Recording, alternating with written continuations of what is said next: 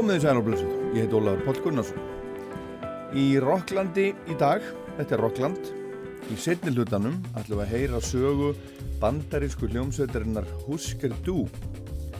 Husker Du er danska, en hljómsveiti bandarísk. Husker Du var punk rock tríó sem starfaði á krafti í áratug frá 1979 til 1988, gaf út sex stóra plötur og hafði mikil áhrif. Dave Grohl saði einu sinni að án Husker Du hefði aldrei orðinni Foo Fighters til dæmis og kannski ekki Nirvana heldur. Elvar Freyr Elvarsson náði sambandi við bassarleikara sveitarnar Greg Norton, tók við hann viðdal og hann er gest á umsjónum að Rocklands í dag. Allar að segja okkur sögu Husker Du, þessar merkilegu sveitar, með hjálp Gregs í setni hluta þáttarins eins og ég segði. En í fyrir hlutanum ætlum við að heyra fullt af yfirleitt nýri músík úr ímsum áttum og byrjum á skipaskaða.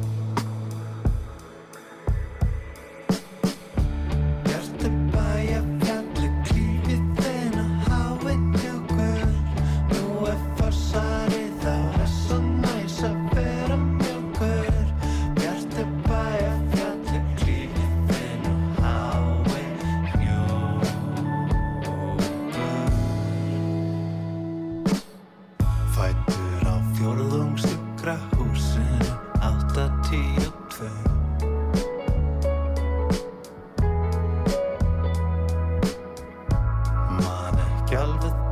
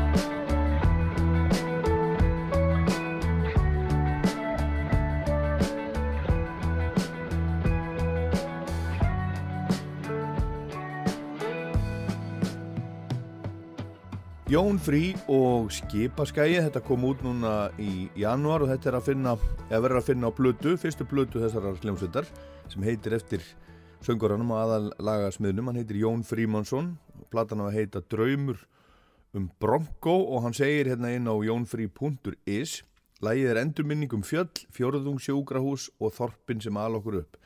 Stál heðalett hverstagspop sem slær nýjan tón í hljóðum sveitarinnar og lægi fjallar einum þræði um frelsi æskunar og þorpið sem ólmi upp en líka um ástokkar og fjöllum. Flest reyða sitt fjall og agrafjall er mitt, bæjarfjallið. Mér langaði bara að semja fallett lag og segja takk fyrir mig, takk fyrir Merkurtún, Axelsbúð og Haraldaplan. Takk fyrir Langasand, Körfuboltæðið og Agraborgina. Takk. Og næsta lag, þar er líka tónlistamæður frá Akranesi. Orri Harðarsson var að senda frá sér lag sem heitir Gangið er alltaf sólu.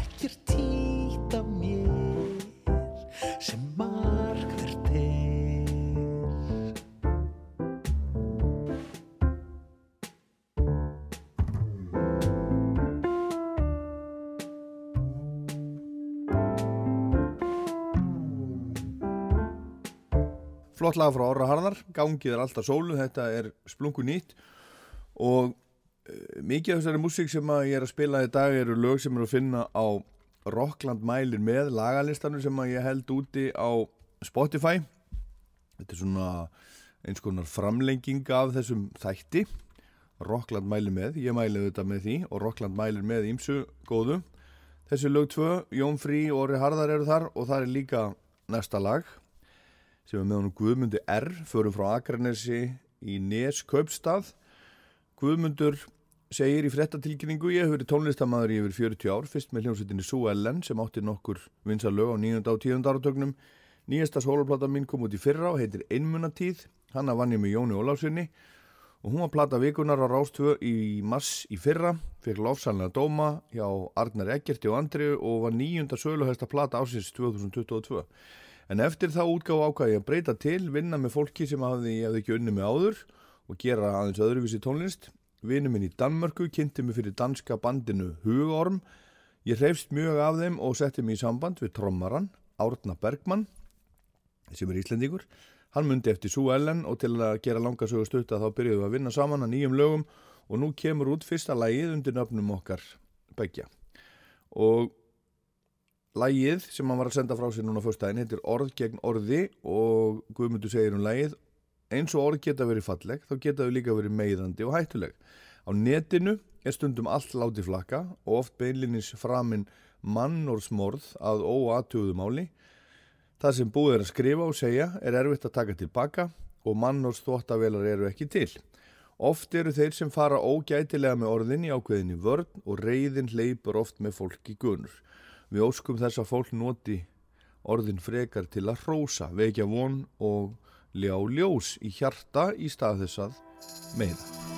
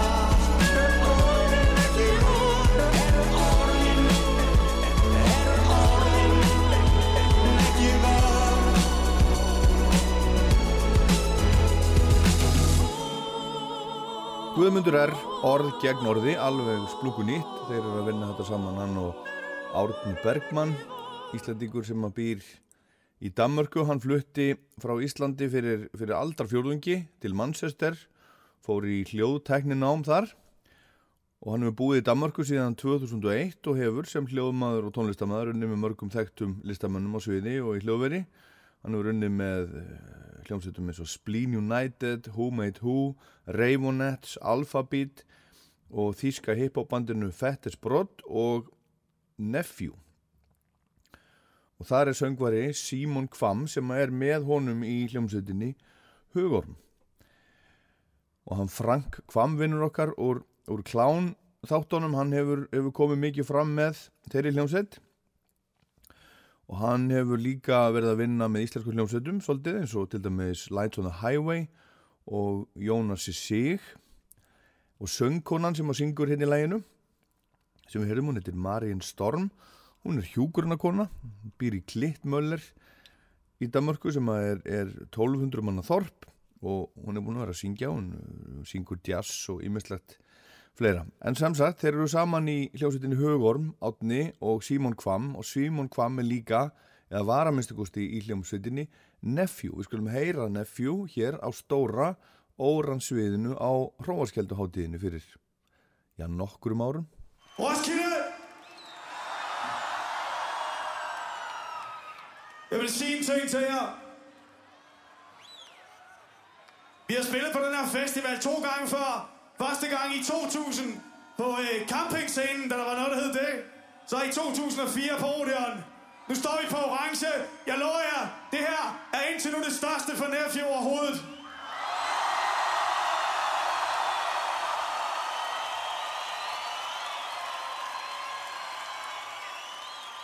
Vi har været ved at skide i bukserne over at gå herop, for øh, hvem fanden ved om, øh, om øh, sådan nogle øh, lede svin, som jeg kan lide, sådan nogle lede svin som os. Det er jo for eksempel ikke sikkert, at I kender en som den her.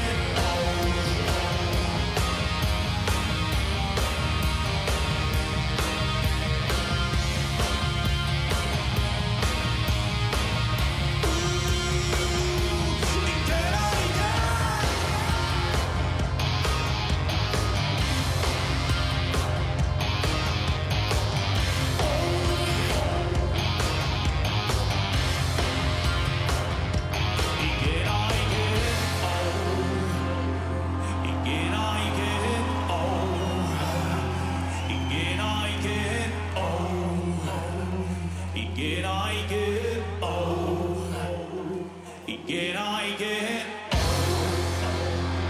Igen, igen. Igen, igen. Igen, igen.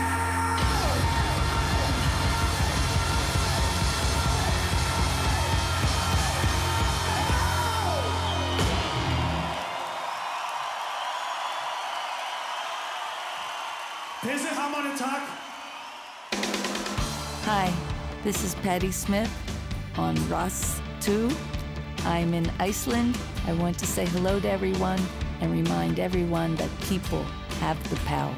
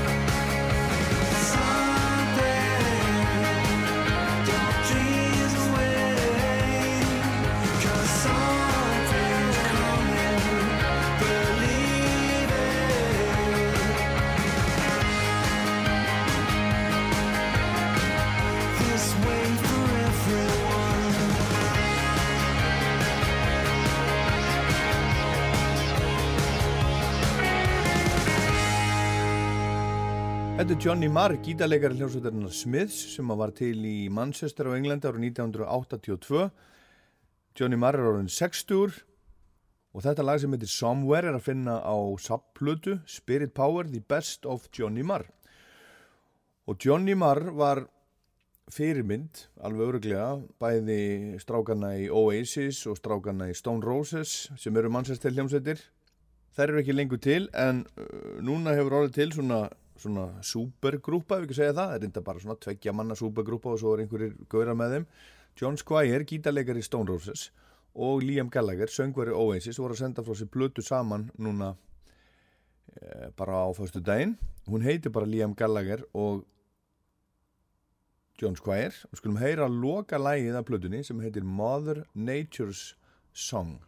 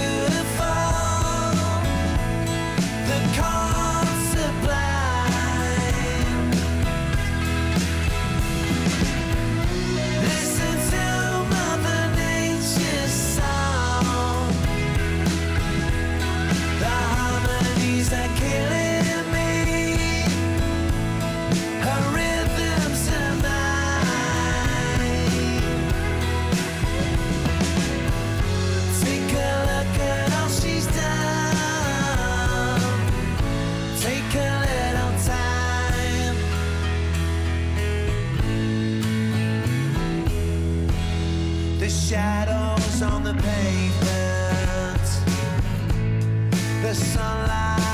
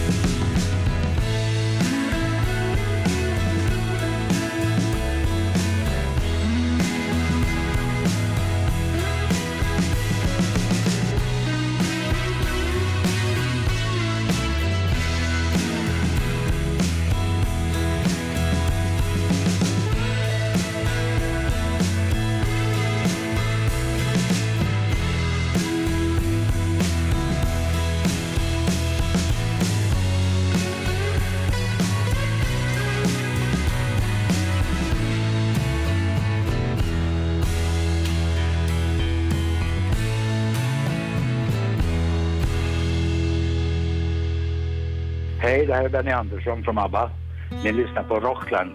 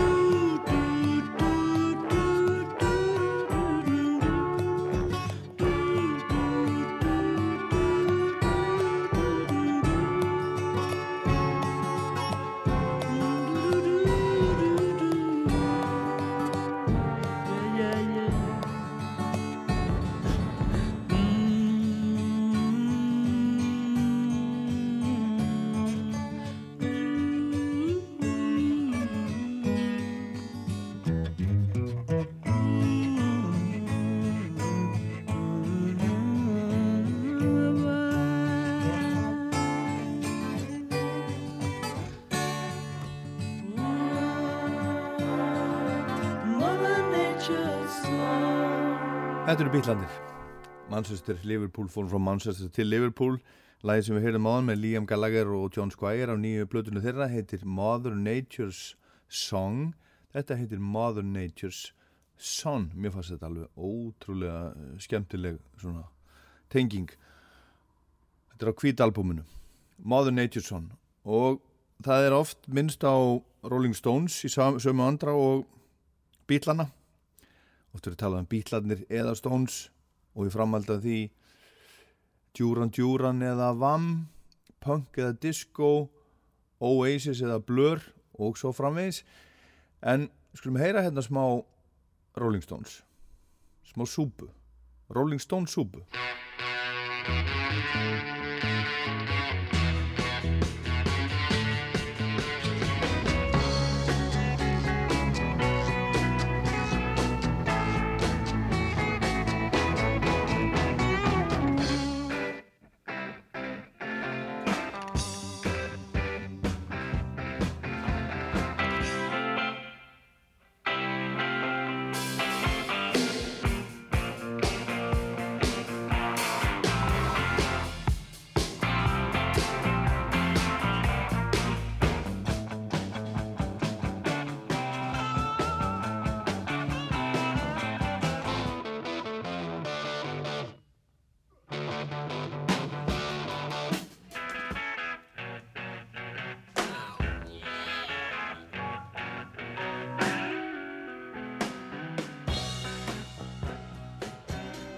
Rolling Stones súpa og sá sem að býra þetta til að mestu liti allt saman þessi gítariff er þetta konungur gítariffana Keith Richards, hans frasi er solo koma og fara en riff endast alla tíð.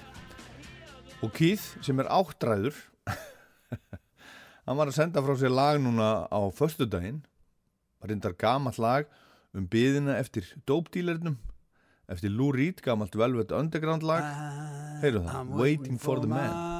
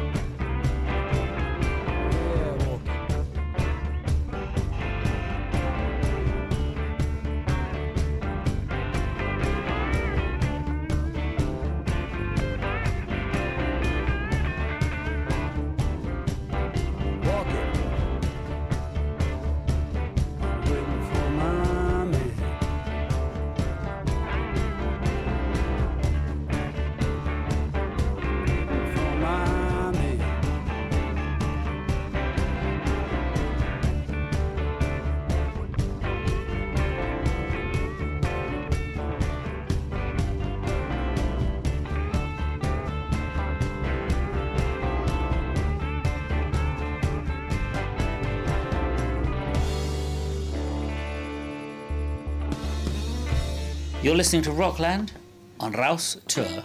This is Jules Holland. Thank you.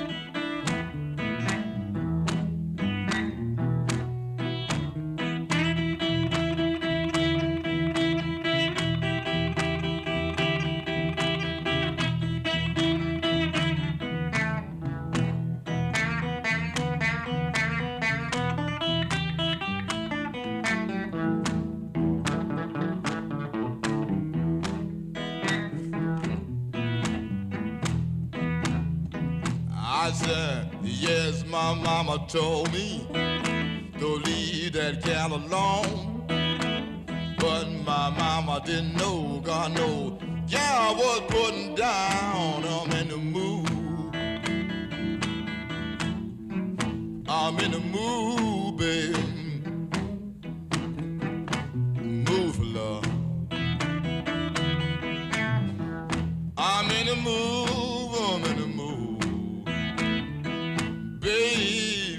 I'm in the mood for love. Þetta er John Lee Hooker, þetta er alveg eldgamalt. Þetta er nú samt á lagalistanum.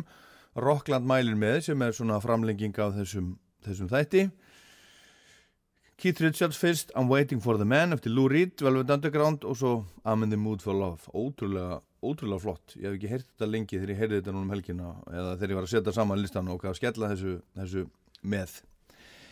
Á þennan lista sem sagt. En ég var í Borgarnesi í gerkvöldi á bluesháttíð, Brúar Blues sem var haldinn í grillhúsinu í Borgarnesi. Hann heitir Örvar Bessason sem stóð fyrir því. Með öðrum, þetta var, þetta var eh, styrt af samtöku sveitafélag á Vesturlandi til dæmis en Örvar er veitingamaður hann í grillhúsinu, verðt á staðnum og spila líka á bassa og spilaði í gær með hljómsveitinu sinni 75 þar er Heiða Eiríksdóttir, Heiða á raunun Heiða á nætuvættinni hérna á Rástöða hún er gítarleikar og söngvari þessar hljómsveit og hann Gunnar Örn gítarsmiður, hann er þetta líka spilar á gítar. En það voru fleiri sem komum það fram, þetta voru fjóra hljómsveitir og einu af þeim var dúóið GG Blues gummi trommari úr 60s og múrari. Og líka í hljómsveitinni Kentár og Gummi Jóns úr Sálinni. Get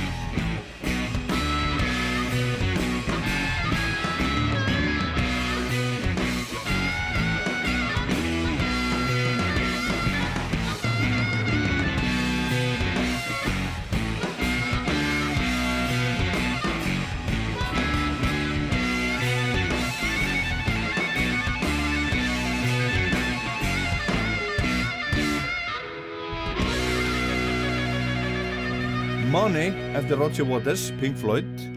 Þetta er af blödu svona sem GG Blues gaf út ára 2019 og eitt af lögunum sem þeir spiluðu í borgarnesi í gerkvöldi á Brúar Blues.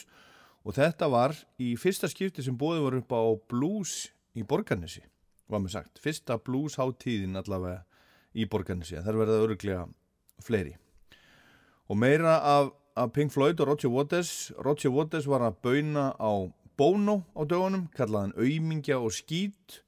Hann var með komment eh, á eh, tónleikunum hérna í Las Vegas í kúlunni. Eftir, eftir upphafið á eh, þessum hörmungum núna út í Ísrael og Palestínu þegar Hamas gerði árás á tónlistarháttíðina hann í oktober og margir aðdáendur U2 í gegnum tíðina hafa verið hissa á því að Bono skuli ekkert hafa talað um, um þetta hræðilega ástand þarna meira. Og bara svona einliða en svo gerðan það nú víst einhvern tíma núna fyrir, fyrir rúmri, rúmri viku byrjaði að tala um, um börnin í Palestínu og þá var baulað á hann og hann saði uh, saði salnum að halda kjafti bara og held svo áfram en talaði reyndar um, um, um báða aðila bæði börnin í Palestínu og börnin í Ísrael. En Roger Waters hann hefur talað opinskátt um ástandi heiminum áratugum saman um fasisma og það hefur verið skilið allavegana. Hann hefur meðal annars verið sagaður um fasisma sjálfur, rasisma, gýðingahattur og ímislegt. Hann gaf út í fyrra sína eigin útgáfu af Pink Floyd plutunni Dark Side of the Moon. Hann segist hafa samið þetta allt á þessum tíma meira og minna og hann geti gert það sem honum sýnist. Og við skulum heyra hann syngja hérna, eitt lag af þeirri plutu, um þau og okkur, okkur og þau, us and them. Platan heitir The Dark Side of the Moon Redux. Og svo er hérna á eftir í seinni hlutunum þá er það Elvar Freyr Elvarsson. Hann ætlar að segja okkur frá hljómsveitinni Husker Du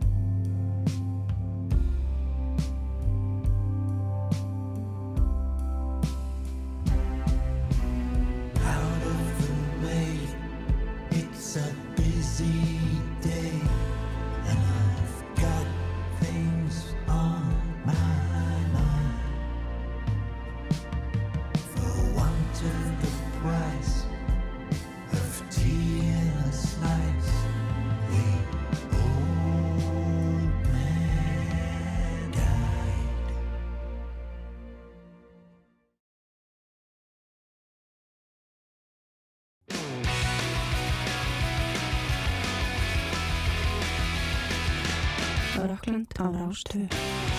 Já, þetta er Rockland á Rás 2, ég heit Ólafur Páll og nú er það bandarist klassist punk rock. Elvar Freyr Elvarsson er gesta umsjónamaður Rocklands í dag.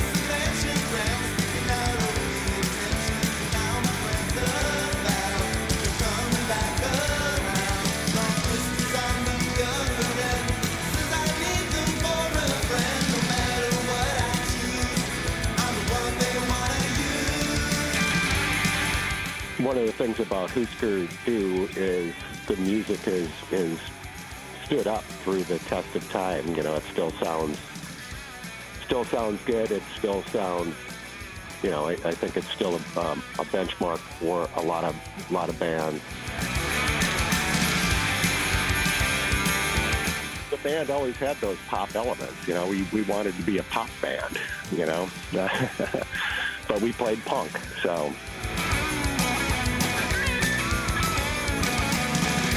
Uh, well, we liked uh, we liked a lot of bands that played really fast, you know, and, and um, uh, you know, and then we're like, oh, well, let's play faster than the Ramones, and then we saw the Dickies, and we're like, well, let's play faster than the Dickies. And yeah, I, I, I agree. You know, it, it uh, you know, we went out with a with a bang instead of a fizzle, so.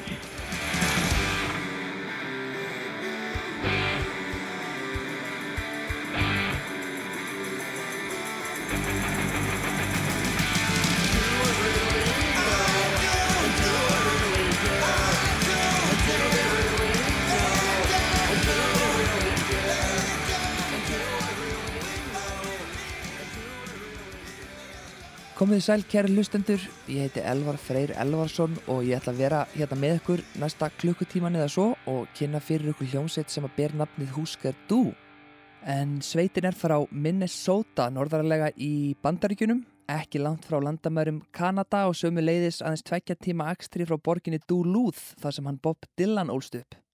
Í tilifni þess að nýlega voru 40 ári liðin frá því að stuttskifa þegar félaga Metal Circus kom út, ákvaði að reyna að hafa upp á Greg Norton, bassarleikara sveitarinnar, en hann og félagar hans, trommuleikarin og söngarinn Grant Hart og gítarleikarin og söngarinn Bob Mould stopniði sveitina árið 1979.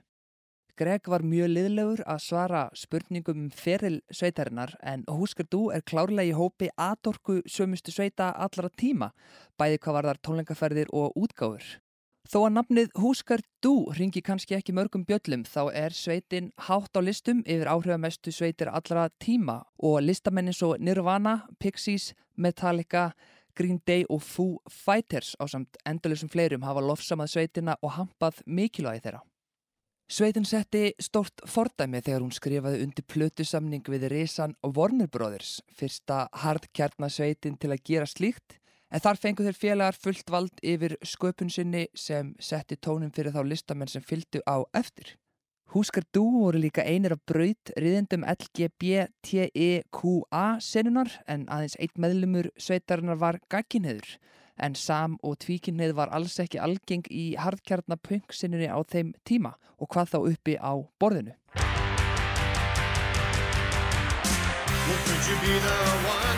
Well, the? Well, hiding inside behind another door. Or was it only happiness you want? Just wanting a feeling better anymore. It doesn't mean that much to me sometimes. I don't mean that much to you. And I don't even know what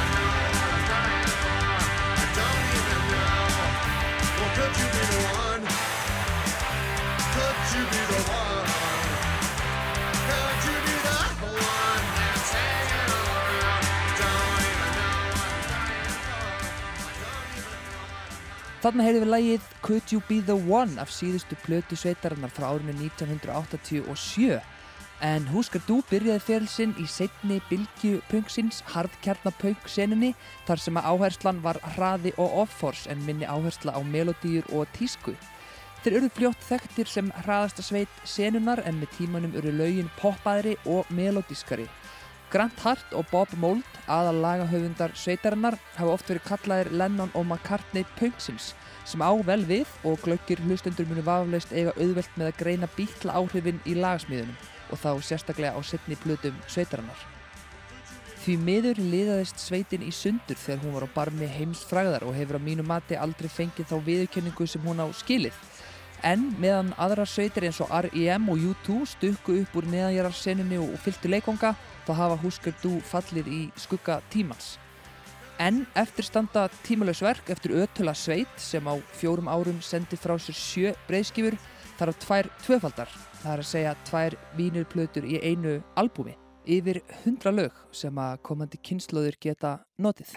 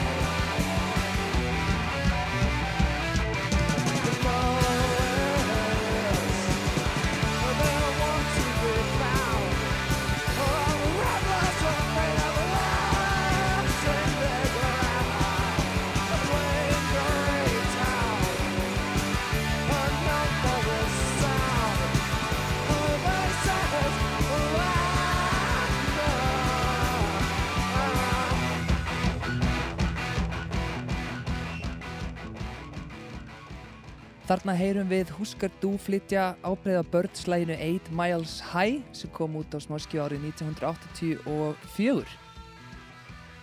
En Greg Norton fættist 13. mars 1959 í Devonport í Iowa fylki. Hann sleitt barnskónum í Rock Island, Illinois og Omaha, Nebraska en fluttist ungur til Minnesota og hefur svo búið þar alla sína tíð. Greg er yngstur þryggja sískina og jánkaði því þegar ég yndi hann eftir hvort það hefði verið mikið um tónlist á heimilinu þegar hann var að alast upp. Uh, oh, for sure. So, you know, my sister being nine years older than I, I am, you know, she she grew up in the in the '60s and uh, listened to a lot of music. I remember actually seeing the Beatles on the Ed Sullivan Show, uh, way, way, way back.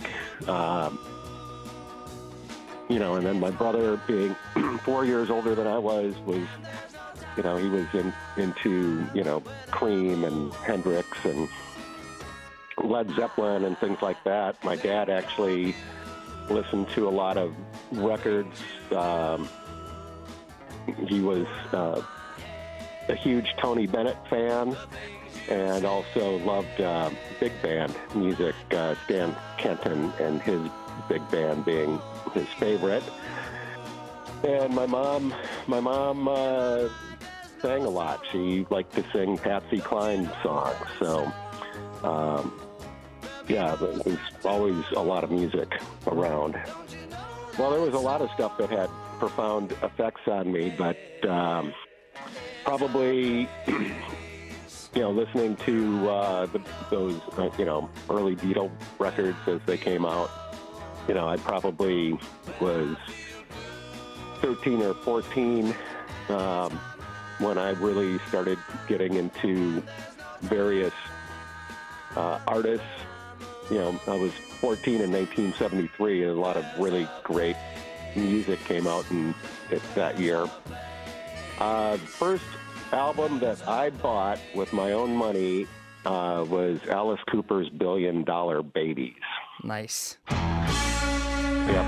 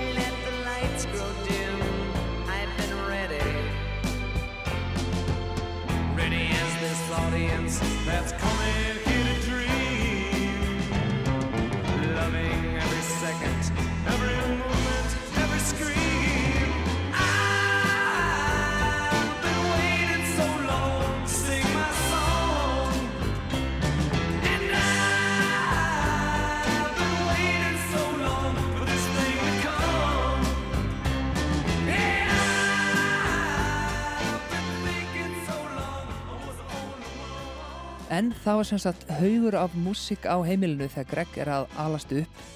Hann segist að sé bítlana þegar þeir spiliði hjá Ed Sullivan á sínum tíma en þá hefur hann verið rétt hefla 5 ára gamall. Hann segist að var kynst í listamennum eins og Cream, Jimi Hendrix og Led Zeppelin í gennum bróðu sinn. Pappi hans hafi hlusta mikið á tónlist, verið mikill Tony Bennett aðdáandi og hlusta mikið á stórsveitir og sömulegðis hafi móður hans sungið mikið á heimilinu. En Greg segist hafa verið undir miklum áhrifum frá bítlunum frá unga aldri.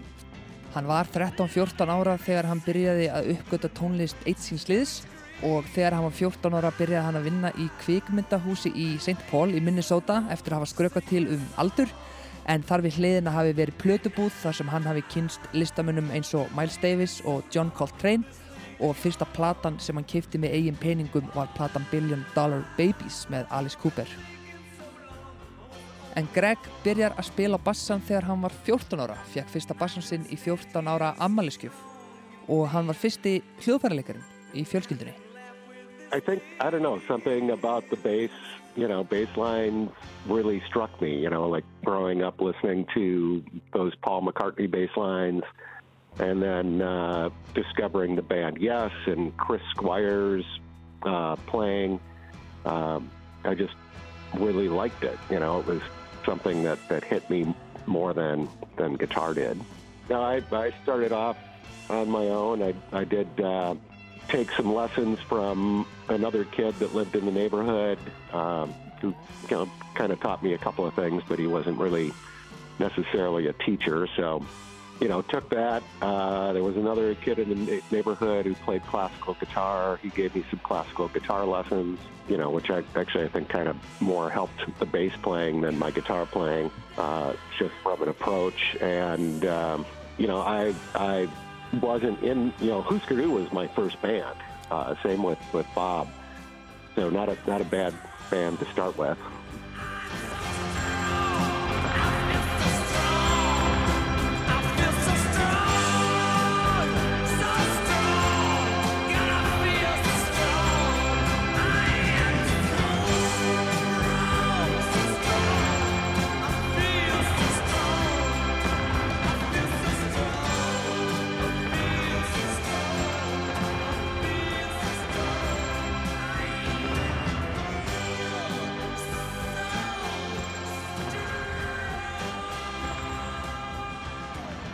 Þá var eitthvað við bassan sem að heitlaði Greg, segir hann, og vitnar í að hlusta á bassalínunar hans Paul McCartney og sömuleiðis Chris Squire og hljómsveitina Yes. Hann segist að byrja bara einn í herberginu sínu með bassan og magnara. Hann hafi lært sitt hvað hjá strákum í karfinu og að Husker Du hafi verið fyrsta bandið sem hann var nokkur tíma í og sömuleiðis fyrsta band gítarleikarans og söngarnas Bob Mould. Ekki slæmt band til að byrja í.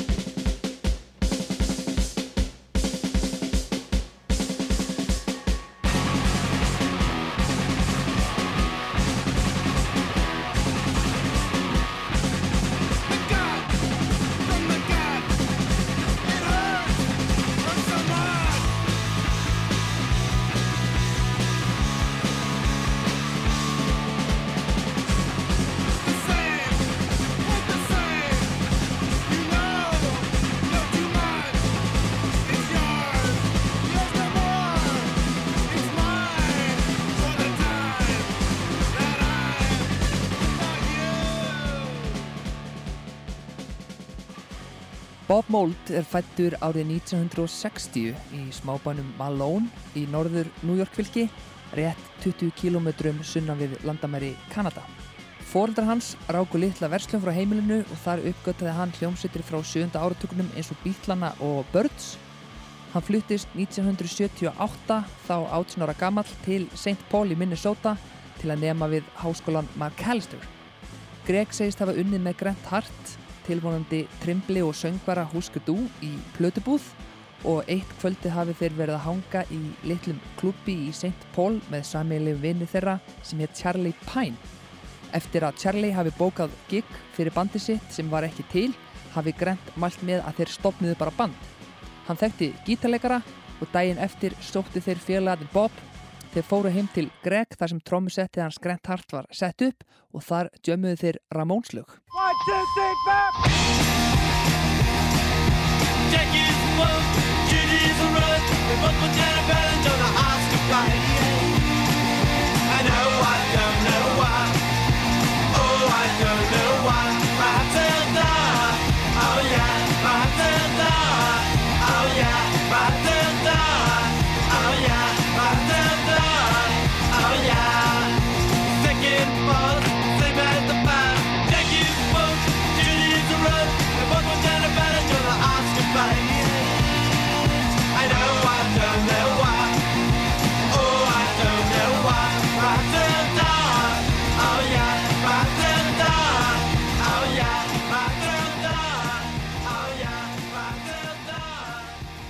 Og þannig hafi fyrstu giggin verið. Þeir voru fjórir, Charlie Pine á hljómborð og þeir spiluðu einingis ábreyður af hljómsveitum eins og Ramones, Velvet Underground, Eddie Cochran, Elvis Costello, Buzz Cox og Per Ubu. En Greg, Bob og Grant þeir voru fljótt byrjaðir að semja eigin lög á milli tónleika. Þeir ákvaða að halda áfram saman án Charlie og fengu húsnæði í kjallara í annari plötubúð þar sem Greg vann og þar hittust þeir á hverju kvöldi eftir að búið lokaði og spiluðu saman og þar fættist Husker Du. En nafnið Husker Du, það er danska, kemur frá borðspili sem var vinsælt á 8. áratögnum og þýðir einfallega Do You Remember eða Manstu.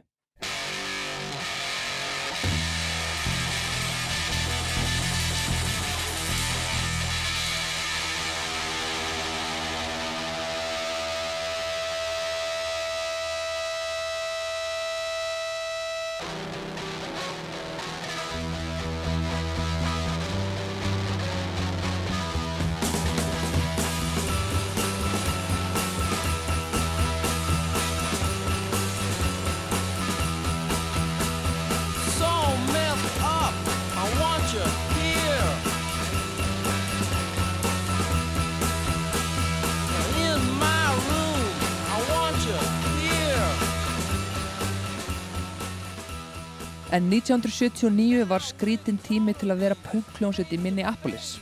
En aðal punkljónsett borgarinnar, The Suicide Commandos, sem voru miklir braut-riðjendur, þeir höfðu nýlega slitið samstarfi og hipsterarnir í Minneapolis þeir voru byrjar að hlusta bara á nýbylgju. Punk var ekkert cool lengur. En fyrir þá sem það ekki vita, þá er punktónlist sögð hafa byrjað í enda sjöunda áratögarins og byrjun þess áttunda með hljómsettum sem oft eru kendar við protopunk eða fyrrpunk en þær eru oft nefndar sveitirnar The Stooges og MC5 en þær sveitir eru báðar frá Detroit, Michigan greinlega eitthvað í vatninu þar. Reyndra var önnur hljómplata The Velvet Underground með Lou Reed í farabrotti White Light, White Heat sem kom út í janúar 1968 gríðarlega áhrifamikil hvað varðar stílinn.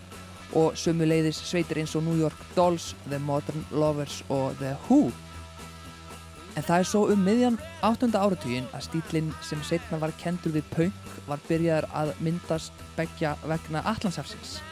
Í bandaríkjunum voru það hljómsveitir eins og Ramones og Television, Dickies, Dead Boys og Patti Smith og hinum megi við Allandsafið voru það meðal annars The Damned, Clash og Sex Pistols í Lundunum, Buzzcocks í Manchester og Stiff Little Fingers og The Undertones sem komu frá Írlandi til að nefna nokkra. Þessar hljómsveitir eru kendar við það sem oft er kallað fyrsta bylgja punktónlistar eða The First Wave of Punk Rock. Seint á árinu 1976 er punkið orðið stórt menningarfyrirbæri í Englandi en þá er mikið tísku að klæða sig í ripna jakka og gattaólar eða annan klæðnað sem var vísvitandi móðgandi. 1977 er stefnan orðin svo til heims fræg en það er síðan í enda áttunda áratugurins og í byrjun hins nýjunda að önnur bylgja punk síns skellur á. En þá voru hljómsveitir sem ekki höfðu verið starfandi þegar fyrsta bylgjan reyði yfir að taka upp stílinn og gera hann að sínum eigin. En þessi bylgja var mun stærri í bandaríkjunum en í Englandi. Önnur bylgja punksins mótast af því að hljómsveitir innan þeirra stefnu spiliðu hraðar og harðar en gert hafi verið áður. Og stílinn er oft kendur við harðkjarna eða hardcore og gat bönd eins og Black Flag, Dead Kennedys, Minor Threat, Bad Brains, Minutemen, Meat Puppets og Germs en sumra þessum hljómsöndum koma fram í heimildamindinni The Decline of Western Civilization sem kom út sumari 1981 og er alveg frábær.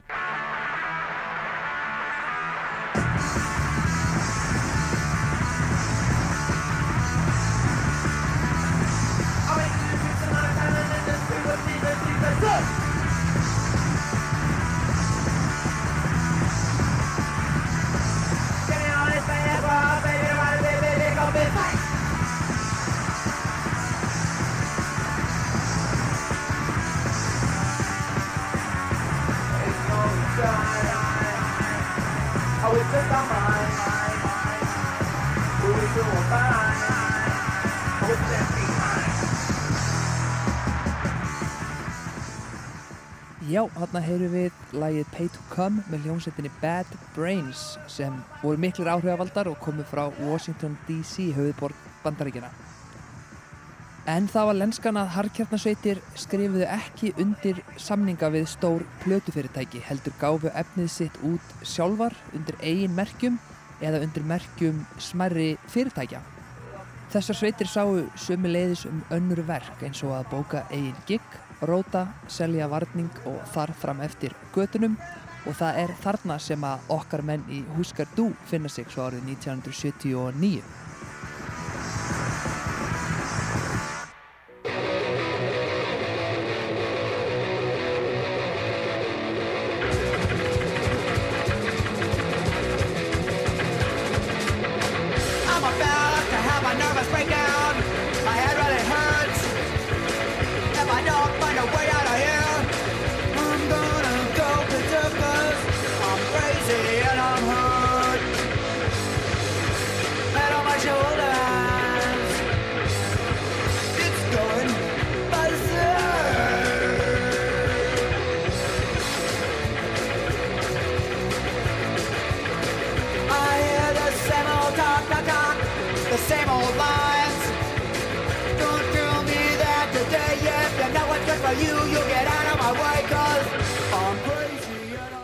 Þarna heyrum við í læginu Nervous Breakdown við hljónstinni Black Flag en lægið er tekið upp í januar 1978 kom út árið setna og er ein af fyrstu hardkjarna punk skífunum en hún inniheldur fjögur lög sem að bandi rendi í gegnum á 5 mínútum og 13 sekundum, hvorki meira en ég minna. En þrátt fyrir að punk var ekki cool í Minneapolis stóðu okkar mennsi keikir og voru duglegir við að spila í nálegum borgum eins og Madison og Milwaukee í Wisconsin og Chicago, Illinois þar sem grasserandi hardkjarna sena var að myndast.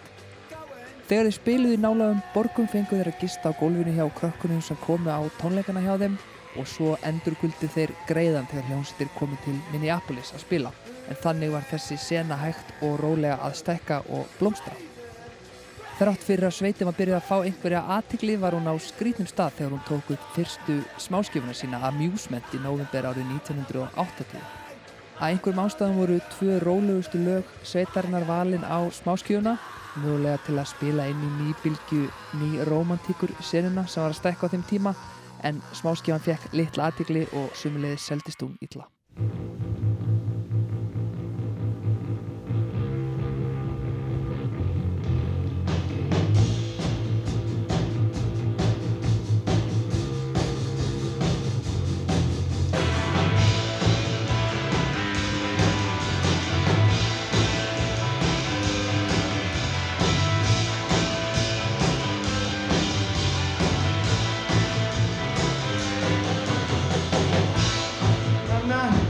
Easily amused. And I'm not easily amazed.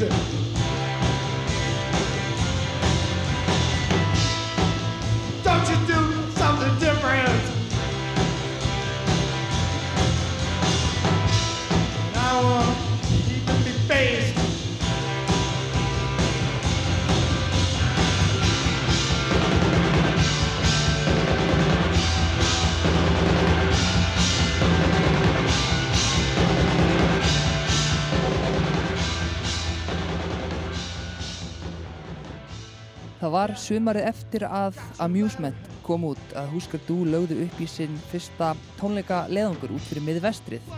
En sá leðangur leittir á upp til Kanada og svo vestur til Washington fylgis og svo Kaliforníu. Og þegar þeir komu heim í ágúst 1981 til að taka upp plötunni sinna landsbítarekord voruð eins og ný hljómsett.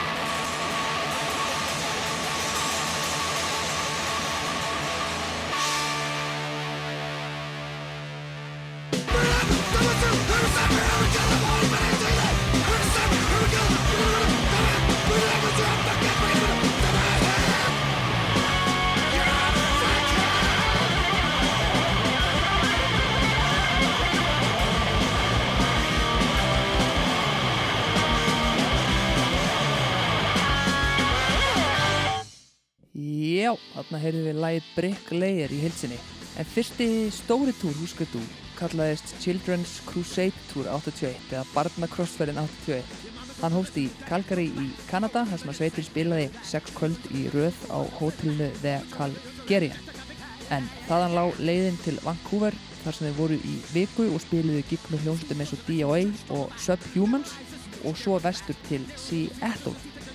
Það var í Seattle sem að Jello Biafra söngvari Dead Kennedys sá þá spila og hann bauð þeim að gista hjá sér í San Francisco þar sem þeir enduðu á að vera hátt í mánuð.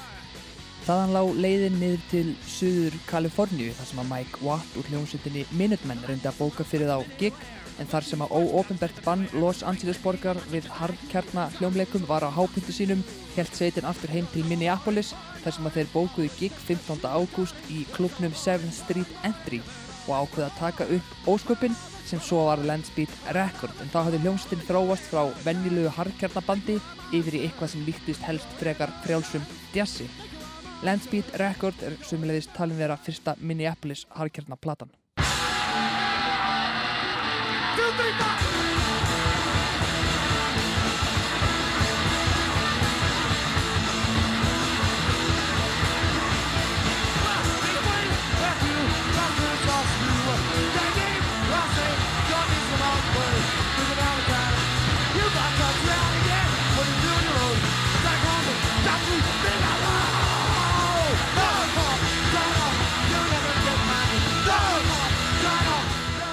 Very raw, very um,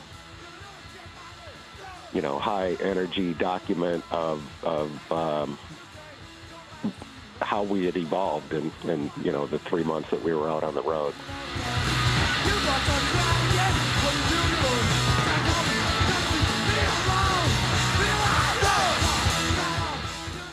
Well, we liked uh, we liked a lot of bands that played really fast, you know, and and um, you know, and then we're like, oh, well, let's play faster than the Ramones. And then we saw the Dickies, and we're like, well, let's play faster than the Dickies. And, uh, you know, uh, the, the term hardcore hadn't really been, like, applied as a label quite yet. You know, DOA, the band from Van, Vancouver, they put out a record called Hardcore 81, and I think that's when, you know, hardcore was starting to be applied as a as a label for bands that played, you know, loud and fast.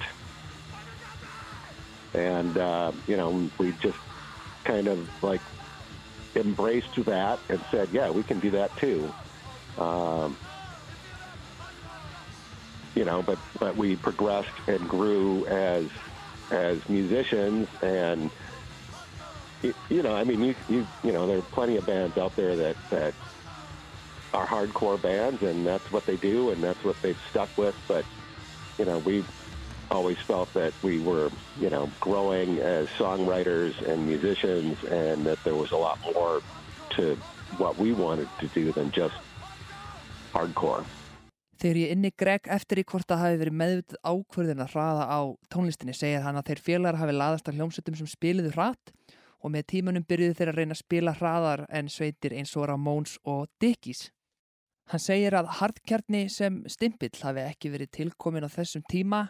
Það er ekki fyrir en að DOA gáðu út plötuna Hardcore 81 árið 1981 að fólk fór að nota frasan fyrir hljómsveitir sem spiliðu hátt og hratt og hann segir þá félaga hafa tekið þeirri merkingu opnum örmum. Hann segir samt sem áður að með tímanum hafi hljómsveitin þróast og vaksið, bæði sem lagasmiðir og hljóðfara leikarar og það hafi verið margt og meira sem þeir hafi vilja gera en það sem flokkaðist sem hardkjarni. Þetta að mínu mati kristallast í næstu smáskjöfu þeirra félaga sem var tekin upp í februar 1982 kom út 1. april það ár og heitir In a Free Land.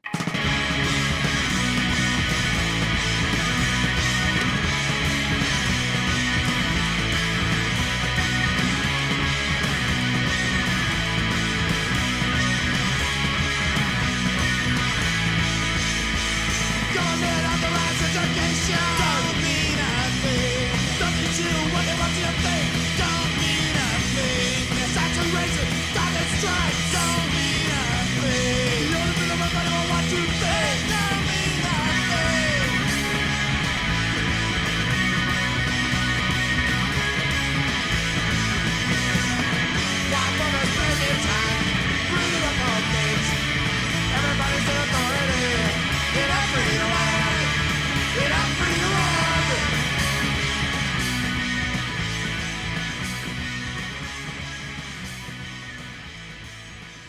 you know, I, I think the follow-up single "In a Free Land" was really starting to show, you know, where the where the band could go. And then um, our first full studio album, "Everything Falls Apart," I think is really kind of, you know, the debut of, of what the band could be.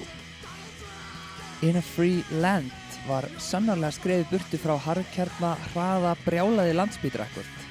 En hann Mike Watt, fyrrnefndur úr hljómsveitinni Minutemen, hann gaf smáskjöfuna út undir merkjum fyrirtæki síns New Alliance.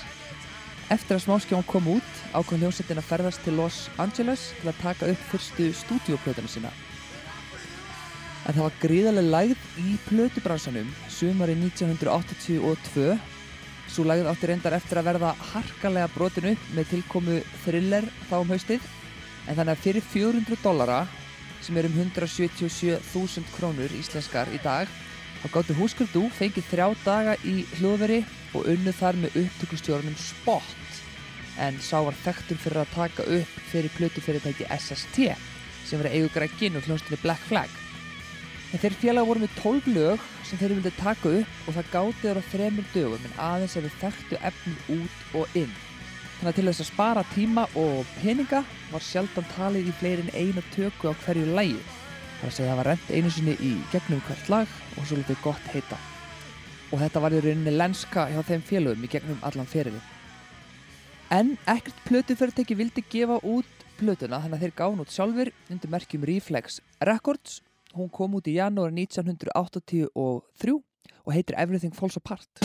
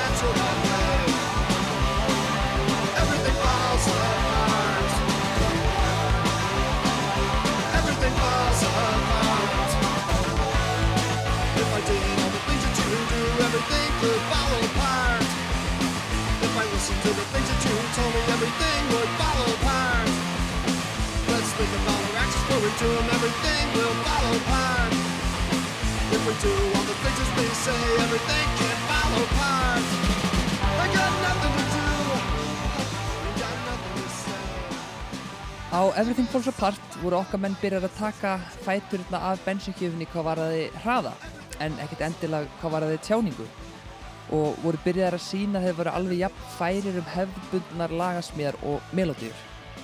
Og meðan Landsbeat Records seldist aðeins á vestuströnd bandaríkjana og Englandi þá seldist Everything Falls Apart út um öll bandaríki. Upprunalega var platan pressuð í 5.000 eintökum en þau seldist upp á nokkrum vikum og auka 5.000 eintök voru pressuð þá um sumarið 83. Húskur dú voru þá byrjaðir að fjarlægjast harðkjarna senuna sem var hægt og rólega farin að vera stíf og vörðuð reglum. En Bob Mould sagði í viðtali frá þessum tíma að ein stærsta ástæða þess að þeir væru að fjarlægjast senuna væri öll böndin væri föst í reglum og formúlum sem ekki mátti breyta og það hendaði Húskur dú ekki lengur sem hljómsveit. Á næsta verki sveitarinnar, Metal Circus, átti þeir félagar eftir að taka harðkjarna formúluna og brjóta hana enn meira í sundur. En í opnarlægi plötunar Real World skýtur Bob föstum skotum að rétt trúnaðar harðkjarna stefnunni.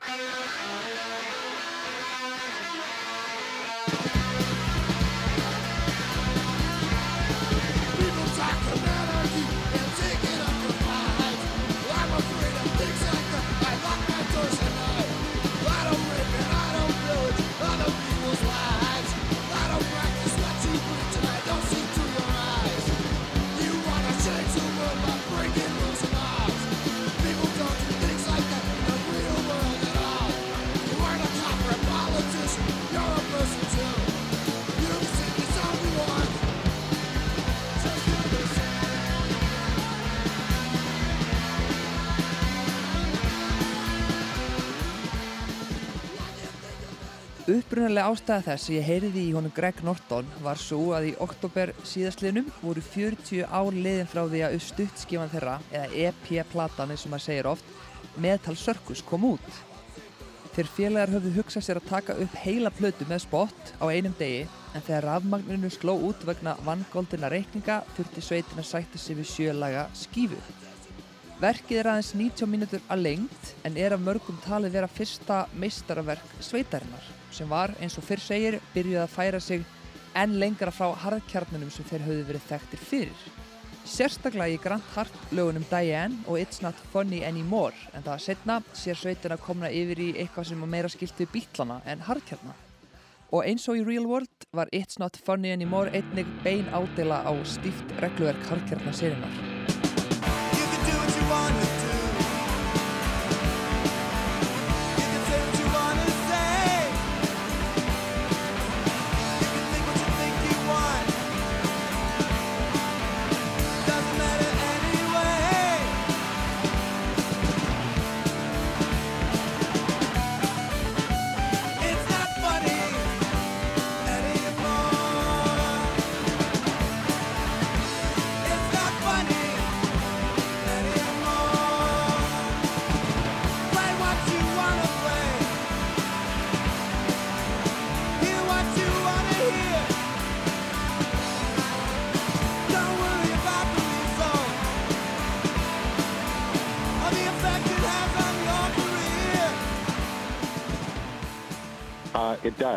It, really doesn't feel like it's been 40 years.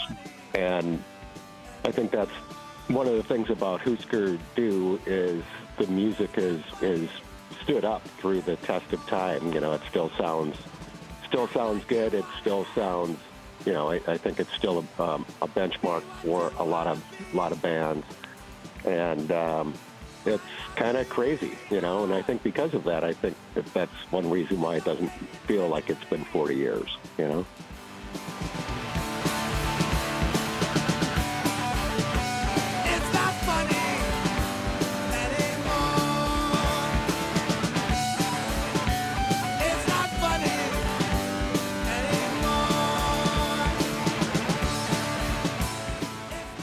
Eins og Greg segir þó líður honum ekki eins og það séu 40 ár liðin frá því að Metal Circus kom út. Meðal annars vegna þess að tónlistin hafi staðist tímans tönn og sé ennþá viðmið fyrir yngri sveitir sem sé að byrja.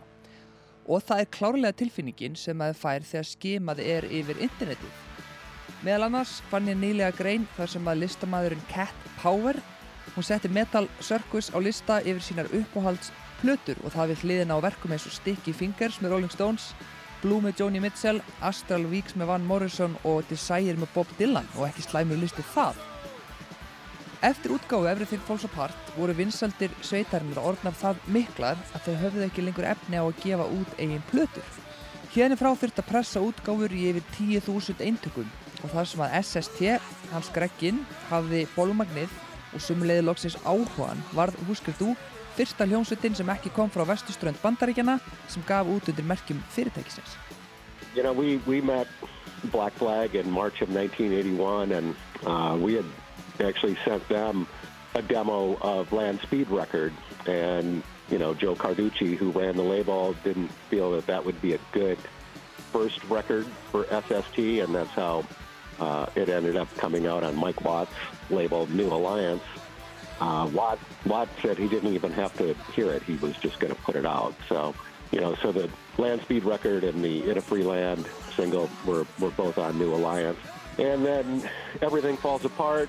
You know, SST liked it, but they weren't quite ready to to sign us yet. So that's why we put that one out ourselves. And then, you know, I think after that came out, they were like, okay, well, we're, we're ready for you guys. Eins og Greg lýsir þá hafði bandið þráð að lenda samningi við SST síðan þeir hittu Black Flag í fyrsta skipti í mars 1981. En þeir hafðu sendt þeim pröfu af Landspeed Record en hann Joe Carducci sem sá um rekstur fyrirtækisins fannst það ekki vera góð plata fyrir SST en hún og In a Free Land enduðu á að koma út undir merkjum New Alliance. SST leist vel á Everything Falls Apart en var ekki tilbúin að gefa hana út þannig að það var ekki fyrir en þegar kom á því að gefa út Metal Circus að SST var loksist tilbúið til samstarfs við sveitina. En eins og kom fram fyrir þættunum var Harkjarnarsenan þekkt fyrir að semja ekki við stærri útgáfufyrirtæki og þannig urðu litlar útgáfur eða indie labels eins og það heitir á ennsku oft eftirsoknaverðar fyrir listamenn sem vildu stækka við sig í umfangi og dreifingu. SST var fyrst stopnað árið 1966 af þá 12 ára Greg Ginn og var lítið fyrirtæki sem seldi Ramax varahluti í gegnum postkröfu. Hann breytti svo fyrirtækinu árið 1978 í útgáfi fyrirtæki til að gefa út tónlist með hljómsveit sinni Black Flag. Fyrirtæki var með tímunum að einu stærsta neðanjarðarplötu fyrirtækjum bandaríkjana á nýjunda áratugnum og sáum útgáfi á mörgum stærstu nöfnum rock serinar á þeim tíma.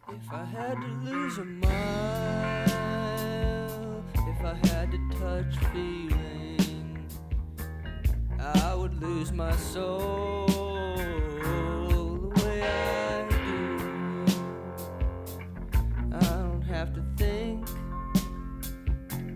I only have to do it.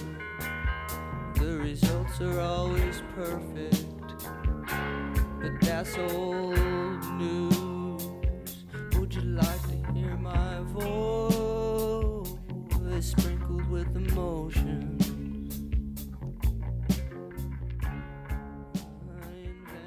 Margir af hortsteinum ameríska neðjara rocksins komu út undir merkjum SST með böndum eins og Meat Puppets, Minutemen, Dinosaur Jr., Sonic Youth, Soundgarden og Screaming Trees.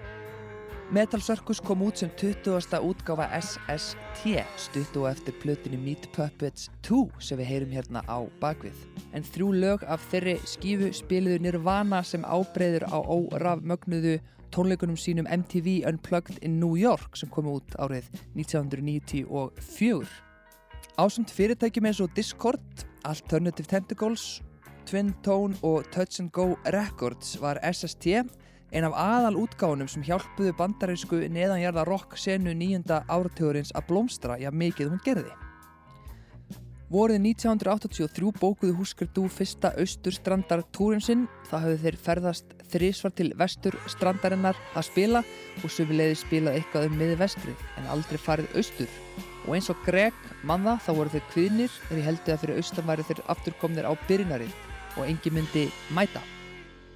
En tónleikar þeirri í Philadelphia, Boston og Washington þeir seldust allir upp og var aðal ástæða þess að lægið Diane af Metal Circus var farið að fá gríðarlega spilun á háskóla útvarstöðum út um allt land.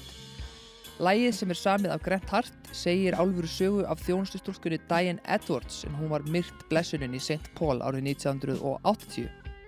Lægið er sungið frá sjónahorni morðingja Diane sem situr sem betur fer enn inni og er allt annað en fallegt en þvert á móti gríðarlega áhrifamikið. Sumulegis var mjög áhugavert að sjá hversu mikið stíl þeirra félaga hafði breyst en lægið er mikill undanfæri þeirra svokölluðu alternative rock tónlistar sem var gífilega vinsel á tíunda áratugnum. Diane varð, eins og segir, mjög vinsvælt að háskóla útvarstöðum en slíkar stöðvar voru gríðilega mikilvægar á nýjunda og tíunda áratugnum. Hljómsveitir eins og R.E.M., Pixies, The Cure, The Smiths og Husker Du eiga vinsældu sínu mikið að launa þessum útvarstöðum en þær voru oftar en ekki reknar af stúdendum sem hunsuðu algjörlega vinsala tónlist sem spilið var á stóru útvarstöðunum en spiliðu frekar lög eins og Diane.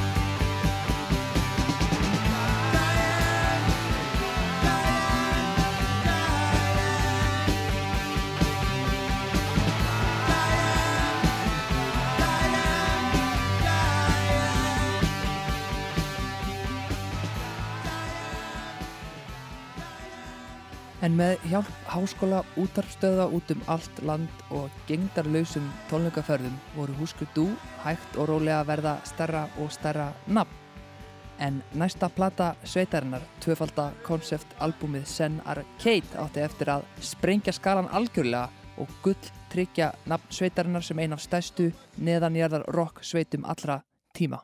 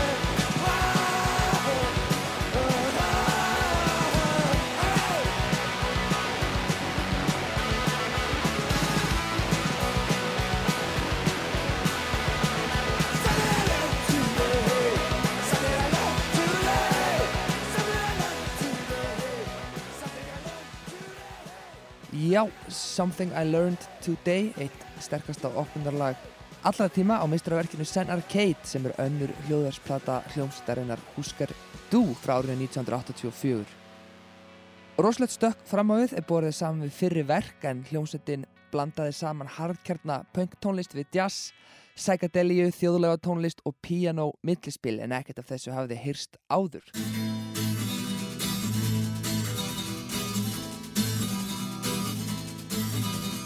There are things that I'd like to say, but I'm never talking to you again. There's things I'd like to phrase somewhere, but I'm never talking to you again. I'm never talking to you again. I'm never talking to you. I'm tired of wasting all my time trying to talk to you. Ég spurði Greg hvar platan hafði orðið til.